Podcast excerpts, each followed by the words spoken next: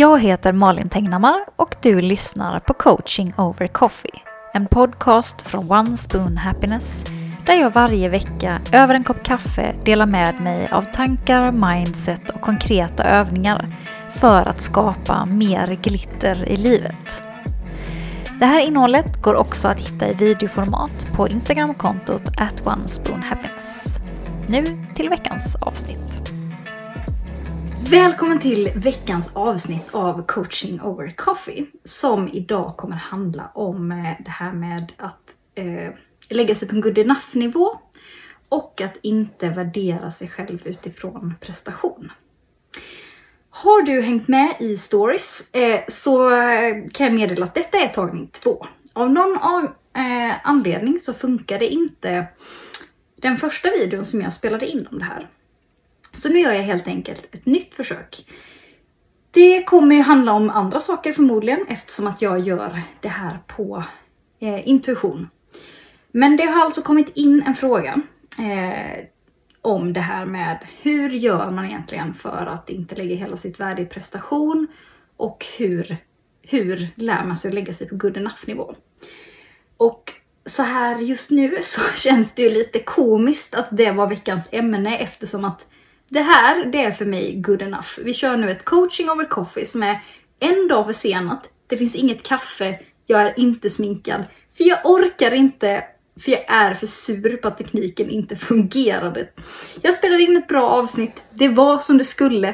Eh, och nu får det helt enkelt bli en ny variant och det är helt okej.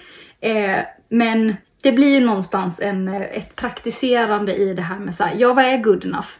Det är inte good enough att lägga upp en video där det inte går att se någonting men där rösten fungerar. Men ska man göra en ny inspelning så kanske man inte måste hälla upp en kopp kaffe trots att det inte är kaffetid längre. Utan då får det helt enkelt bli lite, ett lite annat tema den här gången. Eh, och så får man bjussa på det och så tänker jag att det är inte hela världen. Um, och lite är väl det spåret uh, på det hela. I både, som jag tänker i alla fall är en del av det här i både det här med eh, att värdera sig efter prestation och good enough. Att båda de två handlar faktiskt om att öva. Inte bara naturligtvis, det är jättemånga saker som ligger i det. Eh, men om man ska förenkla det och det utgår jag ifrån att ni förstår att det här är ett kort koncept. Eh, så jag tar inte upp alla aspekter av någonting utan jag gör en nedslag eller neddykning i någon del av det hela. Och då tänker jag att ett sätt man kan tackla det här med prestation och prestationsångest eller att man inte känner att man är värd något om man inte presterar. En del i det tänker jag handlar om övning. Övning i att eh, ha självmedkänsla. Övning i att inte göra saker på en perfekt nivå. Eh, och det kommer kännas jätteobehagligt i början. Eh, men man vänjer sig. Och det det tror jag är en viktig parameter i många saker, inte bara det här ämnet, utan att man tror lätt att det som ser ut att gå lätt för andra, det är någonting som de, eh, som de bara kan. När det många gånger ligger ganska mycket övning bakom det hela. Eh, och det är just det, så här, öva, öva, öva så blir du bättre. Och i princip allting går att öva på. Och i princip alla som är bra på någonting, de har övat på det. Givetvis kan man ha en fallenhet för olika saker. Man kan vara bra på att veta sitt eget värde utan att prestera som grund. Men man befäster det också genom att hela tiden öva på det. Eh, och Det går ju att göra på en massa olika sätt, men jag tänker att Meditation är ju ett sånt verktyg som är jättebra för att, vilket i sig är övning, det är ingenting man automatiskt är bra på. Eh, det är ett verktyg som man kan använda för att liksom öva upp sig på att se på sig själv och sina känslor utifrån. Och jag tror också att det är ett väldigt effektivt verktyg för att hjälpa sig själv med självmedkänsla. Vilket ju är att kanske se på sig själv, försöka se på en situation objektivt utifrån. Även om man misslyckades med någonting som man verkligen ville klara.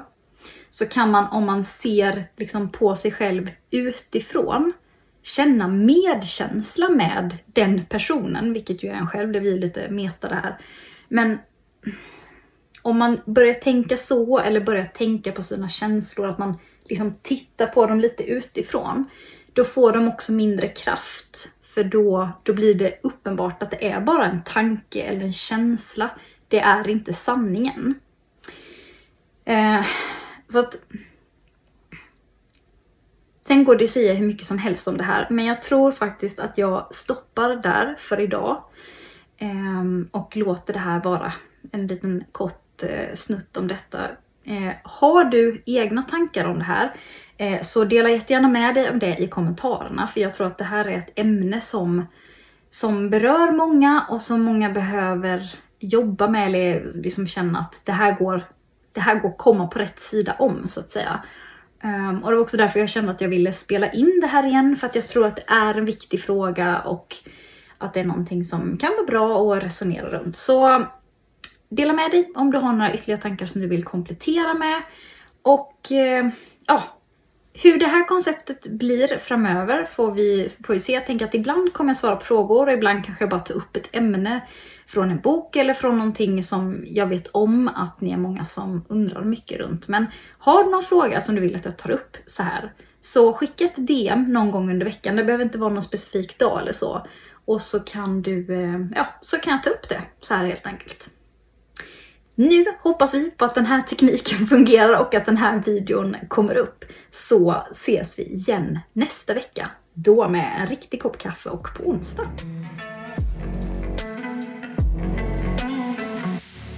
Det här var allt för den här veckan. Och tyckte du om innehållet i den här podcasten är min rekommendation att du går in på Instagram och följer mig på @onespoonhappiness för mer daglig inspiration. Vi ses igen nästa vecka. Música